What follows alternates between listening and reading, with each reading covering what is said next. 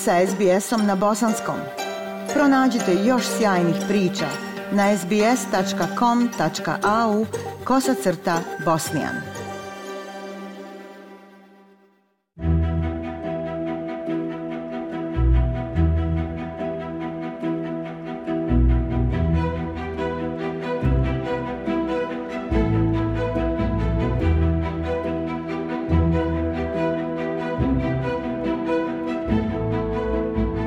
Slušate SBS program na bosanskom jeziku. Nedavni hakerski napad na sistem kompanija Latitude Financial daleko je većih razmjera nego što se u početku mislilo. Iz baze podataka ove kompanije ukradeni su lični podaci oko 14 miliona njegovih klijenata u Australiji i Novom Zelandu. Prilog Aleksani Fantisa i Tisa Okjucija. Provider financijskih usluga na odloženo plaćanje, kupi sada, plati kasnije, prvi put je objavio da je izvršeno hakiranje 16. marta i prijavio da hakeri imaju pristup oko 330.000 ličnih podataka kupaca.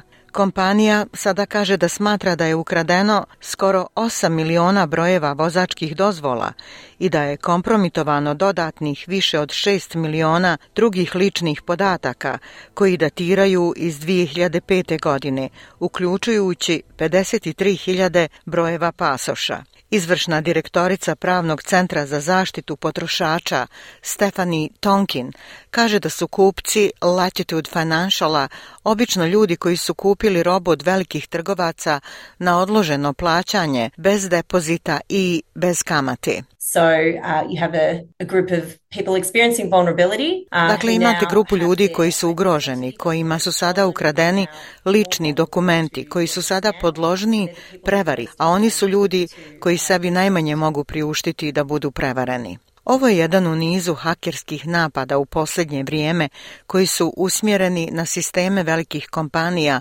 i njihove baze podataka. Profesor Sanjaya Jha sa Instituta za sajbersigurnost na Univerzitetu Novog Južnog Velsa kaže da postoji potreba za jačim zakonima kako bi se spriječili ovi napadi. You will find that unfortunately a lot of data has been kept since 2005. Naći ćete, nažalost, da je dosta podataka kompromitovano, da se oni čuvaju od 2005.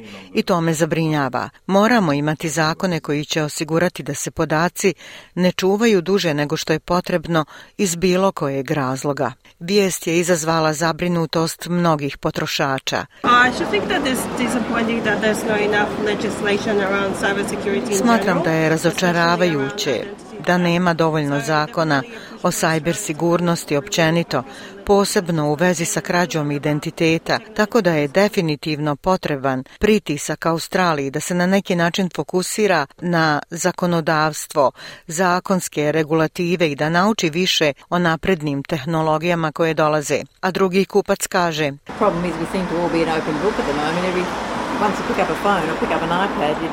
Problem je u tome što smo trenutno svi izloženi ovakvoj vrsti napada. Jednom kada uzmete u ruke telefon ili iPad, vaši podaci su izloženi svijetu kakav jeste, tako da sam zabrinut, ali mislim da je trenutno bilo mnogo kršenja. U nedavno izjavi izvršni direktor kompanije Latitude Financial Ahmed Fahur rekao je da se kompanija bezrezervno izvinjava.